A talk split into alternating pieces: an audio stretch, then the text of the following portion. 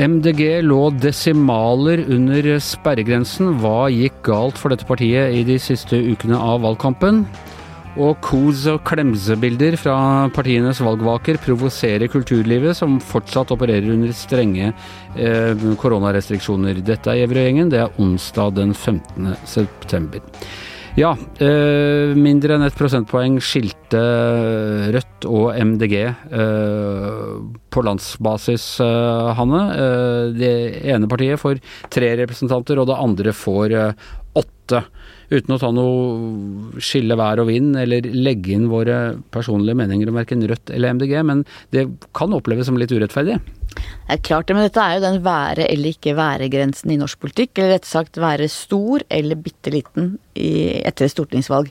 Sperregrensa er på 4% og da blir det sånn. Men det er klart jeg opplever, skjønner at det oppleves utrolig kjipt for MDG i dag. Men altså, du trenger, var det ikke du som sa det, Yngve Kvistad, her på morgenmøtet, at du hvor mange prosent er det du trenger for å få inn representanter på Stortinget generelt? Altså Generelt så, så får man inn tre ved 3,8 eller 3,9. Eh, er, ikke det, er ikke det representativt, da? Får du 3-4 så får du tre representanter. Er ikke, det, er ikke det greit? Hvorfor skal man få sånn bonus for å komme over fire? Ja, det er en slags balanse. ikke sant. Du har jo denne pasientlista fra Finnmark som har bare noen få tusen bak seg. at eh, i Finnmark er det veldig få som bor, og du har et demokratisk system som gjør at når det er grisgrendt å få folk, så er det langt færre bak hver representant enn ellers. Men det, det er jeg helt med på. Ja, men, Hvis ikke hadde bare vi de store Du er på vei inn i et lengre resonnement, Anders Giæver. Ja, cut to the chase. Ja. men så er det andre ting som også må balanseres. Hvis du f.eks. gjør det på landsbasis veldig veldig godt, men ikke gjør det godt nok til å få noen Hvis du f.eks. gjør det ganske godt i Oslo, men ikke får noen representanter, for der er det mange mange flere bak hver representant, så er det urettferdig også. Derfor har man laget en sperregrense hvor man sier at du både får representanter fra fylkene, men så har du også en ordning som gjør at hvis du gjør det veldig bra, men ikke særlig bra til å få noen representanter fra noen fylker, så har du en grense med at du får de såkalte utjevningsmandatene.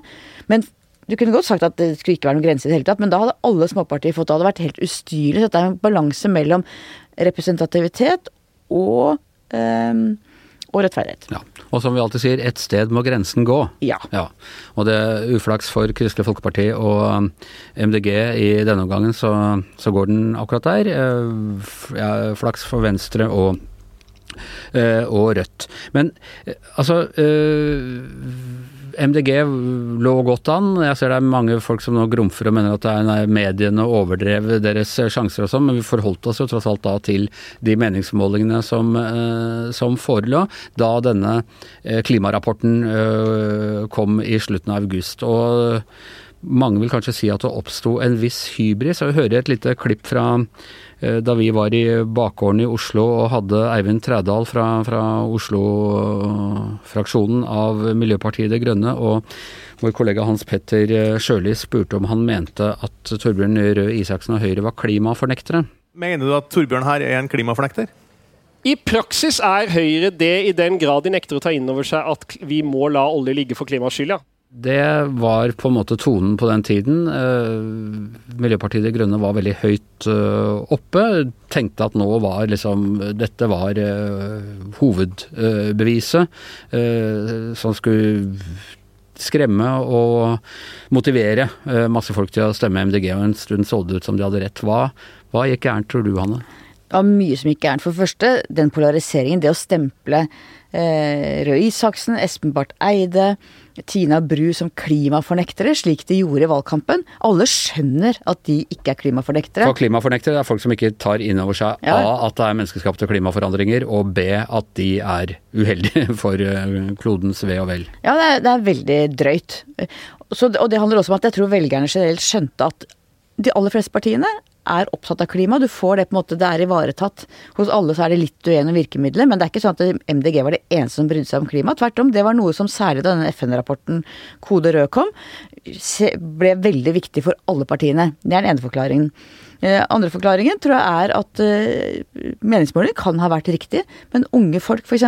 stemmer mye mindre enn eldre. Og MDG er blant de som har mye mer si, troløse nye velgere som kanskje er litt mer på glid. Så det kan godt hende at uh, meningsmålingene var riktig, men at de som sa de skulle stemme MDG, enten ikke stemte, eller likevel valgte de gamle partiene de alltid har stolt på. Og så fikk de vel en advarsel på de skolevalgene, når det gjelder unge folk, var vel nærmest halvert ved, ved skolevalgene? Ja, det var helt oppsiktsvekkende. De gikk tilbake fra 2017 eh, skolevalget, etter at de på en måte alle trodde at de var så i vinden, særlig blant de unge. Sånn at eh, det var mye som gikk gærent. Men jeg tror særlig den aggressive tonen. Folk liker ikke det, og det var veldig cocky og veldig urimelig. Samtidig er det riktig å si at det ikke var et klimavalg? Altså, SV gjorde det bra, ikke så bra som en del av eh, meningsmålingene tydet på, men det må kunne sies å være et klimaparti, selv om MDG ikke var helt enig. Eh, Rødt eh, noe mer forbeholdne og vil ikke sette sluttdato osv., men også vil jeg tro drar en god del klimavelgere.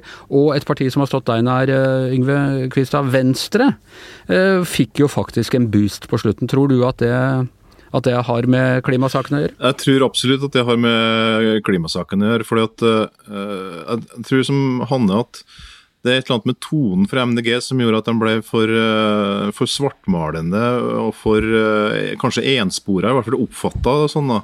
Sånn at når folk skulle først ta et klimavalg, så gikk de nok til de partiene som de trodde hadde en, en politikk som kunne gjennomføres, og som fremsto som mer troverdig. og og Venstre er jo øh, jeg holdt på å si, det eldste klimapartiet. Ikke bare det eldste partiet, men også det eldste klimapartiet. Det var et parti som først satte klima på, på, og miljøvern på dagsordenen. De har advart siden parlamentarismen. Så, så, jeg tror nok at de øh, kapitaliserte litt på det, ja. Og så er det klart at De kjørte på én sak, det var oljestans. Jeg tror folk flest skjønner at klimaspørsmålet er mye mer komplisert enn hvorvidt Norge skal slutte å lete etter å produsere olje eller ikke. Sånn at de ble veldig enspora på én en eneste sak, uten å, ta, uten å argumentere særlig rundt kompleksiteten, og uten å vise at de hadde empati rundt folk som skulle miste jobben, og uten å også ha en ansvarlig økonomisk politikk hvor de pekte på faktisk hvordan man skulle leve uten olje og ha en solid økonomi og fortsatt ha en velferdsstat. Så de ble for enspora, rett og slett. Samtidig det eneste klimapartiet på den siden av streken som går inn for internasjonalt samarbeid gjennom EU, eh, e gjennom EØS og gjennom Nato. Ja, De går ikke helt inn for EU, men de er uh, mer åpne for europeisk samarbeid. De skal i hvert fall ikke avskaffe EØS-avtalen. Da må jeg få legge ned protest, for der er jo også venstretona flagg. De er jo også veldig jo... De venstreradikale sosialistene, Kvistad, ikke, ikke samarbeidspartiene til Fremskrittspartiet. Eh, så, så, sånn sett så ligger det en større klimarealisme der enn, en det gjør i de andre partiene? Ja, akkurat når det gjelder EU, det er jeg enig i at det er Og Og, og der har de vært Og Nato, ja. Nå er Nato med sikkerhetspolitikk mer enn klima i og for seg, selv om de også ønsker å snakke litt om klima. Men de er enige sånn at det, Men da kan jo noen av oss som er for, veldig for EU, også av klimahensyn, eh, si at det er jo flere partier, både på venstresida og på høyresida, som er der, da. Men jeg er enig i det. Men hva tror du, Yngve, du pekte på på morgenmøtet i dag at uh, Venstre var faktisk ute av Stortinget i to perioder. Uh, altså både i uh, 89 og 85, og så kom de inn med én, uh, Lars Bonheim i 93, og så har de klart å klatre seg opp igjen, og nå har de vært over sperregrensa tre, uh, tre ganger på rad. Det, det er ikke en dødsdom for verken Kristelig Folkeparti eller MDG, dette? Nei, jeg mener jo det at det er klart det, det er forferdelig å bli henvist til skyggenes dal og ørkenvandring der, for å holde oss til termer KrF kjenner godt. Uh, altså Forskjellen på KrF i dag og Venstre den gang, det var jo at uh, altså Venstre har en del troløse velgere. Uh, I KrF er vel det motsatte tilfellet, men de har også et grunnfjell som har forvitra. Problemet med KrF sitt grunnfjell er jo at det grunnfjellet dør. De har en stor overvekt av aldrende velgere. I Venstre så har de jo vist en en evne til å mobilisere eh, yngre folk og, og få, skaffe seg nye velgere. De har jo til og med skaffet seg et helt nytt eh, folk, skal man tro det siste valgresultatet. For har, for de har jo det gamle grunnfjellet i, la oss si på Trøndelag, i Trøndelag og på Vestlandet har i stor grad forsvunnet. Men de har jo tatt igjen da, i, i bynære områder i, og, og, på sentrale østlandsområdet. Så Derfor så, så kom jo de ut i, si, null i endring i, i år. da. MDG er en litt annen situasjon, for de har aldri vært over sperregrensa og har jo strengt tatt gjort sitt aller beste valg noensinne. Uh, men de må nok kjempe litt for å helt tatt komme over sperregrensa, det tror jeg. Eh, men når de først har gjort det, så tenker jeg nok at de vil også være nødt til å skaffe seg en mer helhetlig politikk, som f.eks. De Grüne i, i Tyskland, og, og, og, kanskje velge en tydeligere linje. Da, og da, da tror jeg nok at MDG har en, har en, fremtid på Stortinget. Jeg tror ikke det er sånn at, at, at det var sånn at at hvis de ikke skulle komme inn akkurat i år med klimarapporten, alt det der, så har de ikke en sjanse senere. Det tror jeg ikke noe på. Jeg tror at MDG har en, absolutt en, sånn, en sjanse senere. Men Hanne, hvor stor forskjell er det egentlig? Altså Rødt har kommet inn med, med var det åtte representanter jeg sa her i stad, øh, og de har tre. Men begge ligger jo utenfor. De er ikke i vippeposisjon, noen av dem. Så øh, i bunn og grunn så er det ikke nødvendigvis så stor forskjell. altså det følger mye milde gaver med hver representant og administrasjon og penger til eh, ressurser og sånne ting, men, men, i bunn og grunn så har de vel litt den samme posisjonen. Ja, og det det vil handle om, eh, tror jeg er i hvilken grad de enkelte representantene klarer å markere seg. Og der har jo MDG veldig tydelige folk eh, som, som Une Bastholm, som Lan Marie Berg, som kommer til å være masse i debatter i mediene. Markere seg vil de nok, men Men de vil, men de vil antagelig også på en måte være i en posisjon hvor de når mange og får ja. mye oppmerksomhet. Mens det er veldig få som kjenner andre enn Bjørnar Moxnes og Mimir Kristiansson kanskje, i Rødt. Så det handler veldig mye om i hvilken grad de klarer å være synlige i det politiske bildet gjennom disse årene, mer enn hvor mange de er. Du har rett i det. Men det er klart det handler litt om økonomi, om hvor mange rådgivere du får, hvor mye penger du får i støtte til partiet, ut fra hvor stor oppslutning du har fått i valget, da. Uh, og nå uh, vil Rødt ha en viss innflytelse selvfølgelig på, på SV, uh, som nærmest er et slags sånn søsterparti, mens MDG svever litt mer i det blå i regjeringsforhandlingene. Ja, og Rødt vil ha en, som du sier, de kommer til å plage SV masse, særlig hvis de kommer i regjering. Sånn at eh, Rødt vil på en måte ha et si, tydeligere mål for sin virksomhet. Mens MDG rett kan drukne litt, i den forstand at alle vil være opptatt av klima. De kan komme litt mer radikale forslag og sånn, men, eh, men det er klart Rødt har et tydelig mål, og det er å plage SV, og det vil de gjøre, tror jeg, til gangs. Jeg så Norges Kommunistparti, hadde, altså gamle NKP, hadde laget en sånn 'Vi skal holde rødt i ørene'. så alle har noen som passer på seg, rett og slett. Ja, eh, det spres en post på sosiale medier av en rekke kulturarbeidere, er det ikke det vi kaller kunstnere for tiden? Eh, kunstnere og artister og sånn, som er bilder fra partienes valgvaker, hvor de klemser og koser og tar selfier mens de slafser hverandre eh, i ansiktet, som om det aldri hadde vært noe pandemi i det hele tatt. Og man kan jo skjønne, Yngve, at dette er litt provoserende for folk som nå eh, prøver å gjøre et levebrød av uh, opptre og konserter og kinoforestillinger og, og, teater og hva det måtte være, uh, med de fortsatt temmelig firkantede reglene det er, det er for den slags? Ja, altså Hovedregelen er jo meteren da, i, i teaterverdenen også, og mens de som forsøker å arrangere konserter, har jo har jo kohorter å forholde seg til. Eh, det har de for så vidt også i teatrene, men, men eh, i, i eh, den kohortinndelinga på, på arrangementer er det jo ganske strenge vilkår. da. Og det er testing, og det skal være koronasertifikat, og det er innendørs er det vel uh, 50 kapasitet hvis de har faste tilviste plasser. 500 eh, personer totalt i ti kohorter osv. Utendørs så kan det vel faktisk være opp til eh, ja, hva er det, 10 eh, 000 hvis at du har kapasitet til det osv. Men det er jo Nei, altså det er veldig vanskelig å gjennomføre. Jeg ser jo både Bylarm og andre har har trøbbel med å arrangere ting. Og så er det noe med smittevern, og det skal være inn og ut uh, separate ganger. og Samme publikummet kan ikke komme inn to ganger osv. Det, ja, det er veldig vanskelig å drive, så jeg skjønner godt at, eh, at kulturlivet er både frustrert og forbanna når de ser uh, hvor glade folk er hverandre på hva valgnatta. Det er hyggelig å se at folk er glad i hverandre, men, eh, men hvor, lenge, eh, hvor, lenge, skal det vare? Hva slags perspektiver har eh? Nei, altså Høie har jo sagt, eller de sa jo at det skulle være full gjenåpning i løpet av september. Da, så De har jo håp om at 1.10 skal være en, en sånn dato der man kan vende tilbake til en slags normalitet. De har jo klart det i, altså Broadway gjenåpna jo i går. Ja. Det Men er det da full, er det full åpning eh, på Broadway, eller har de, betyr det at de innfører de restriksjonene vi har levd med? Nei, det det, det er full åpning, men det kreves jo eh, enten korona, altså vaksinasjonsattest eller, eh, eller en bekreftelse på at man har vært syk og har kommet seg. da. Eh, så det, det er jo restriksjoner i den grad du, du kommer ikke inn hvis du ikke er vaksinert, uh, f.eks.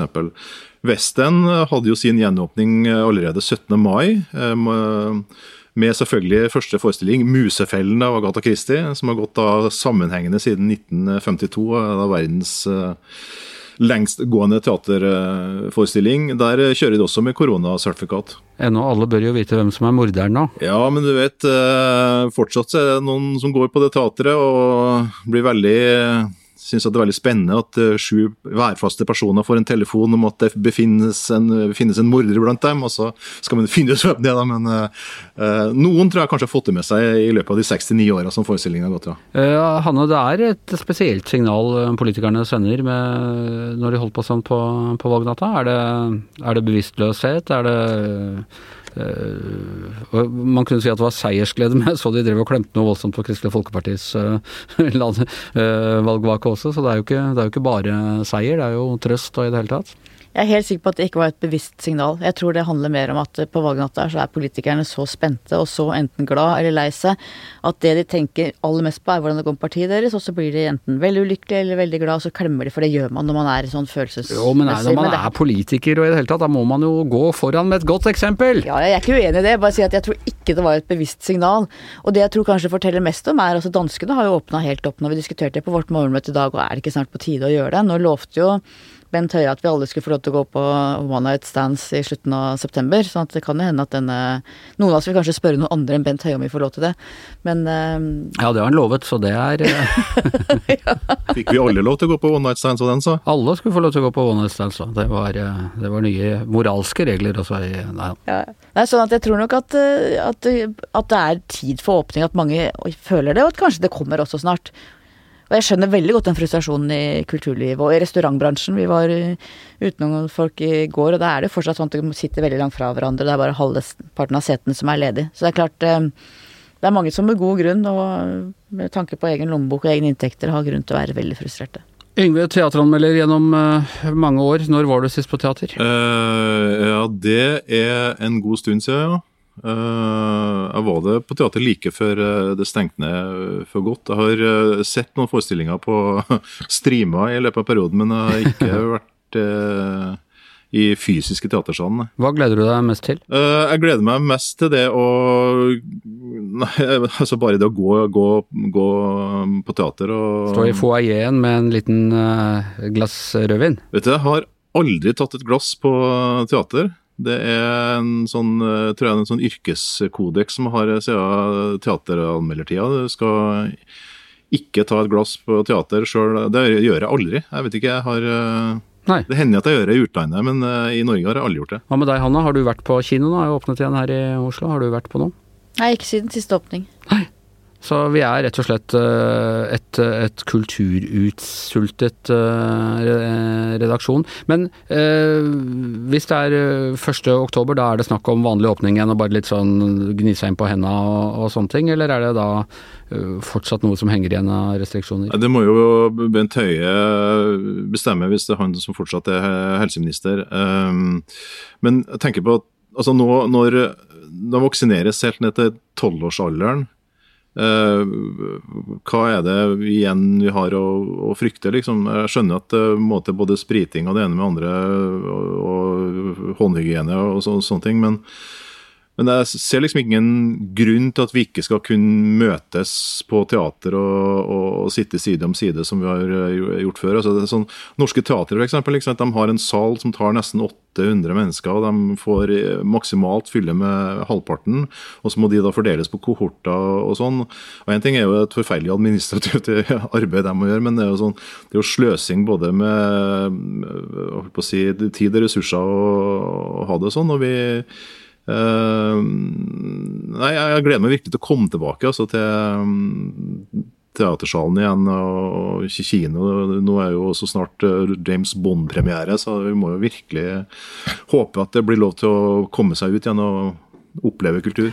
Ja, Hanne, hvordan er det rent praktisk med, med når vi har nå sånn lame duck-periode for en regjering som er på vei ut? Kan de vedta sånne ting? Må de, må de sjekke det med den nye regjeringssjefen? Er, er dette mer komplisert enn ville, det ville vært normalt? I utgangspunktet ikke. Det er klart at hvis de skulle, hvis de skulle ta liksom store grep nå, så måtte de snakket med Jonas Gahr Støre. De er, de er fortsatt styrende Eh, fram til de leverer sin avskjedssøknad, så har de alle fullmakter, all makt.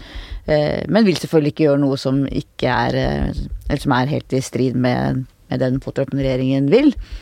Eh, og så, idet de leverer avskjedssøknaden, og fram til da den nye regjeringen tiltrer, så vil det være det du kaller forretningsministerium. Da vil de ha mindre, mer innskrenket, i hvert fall sånn reelt, det er det som er liksom kutyme i, i Norge. Eh, men fortsatt så kan de styre rundt pandemien og krisa og disse tingene. Så det er ingenting som står i veien for at de nå åpner Norge helt. Jeg skjønner. Eh, vi får, vi får håpe på at dette går greit. Eh, en ting som har vært åpen en stund, og som fortsatt er åpen, det er bakgården på Grünerløkka.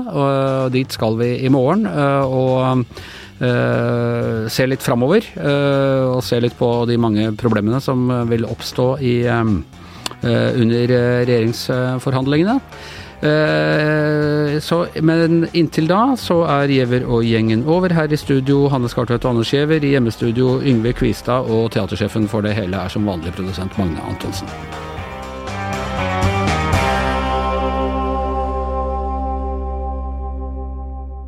Du har hørt en podkast fra VG.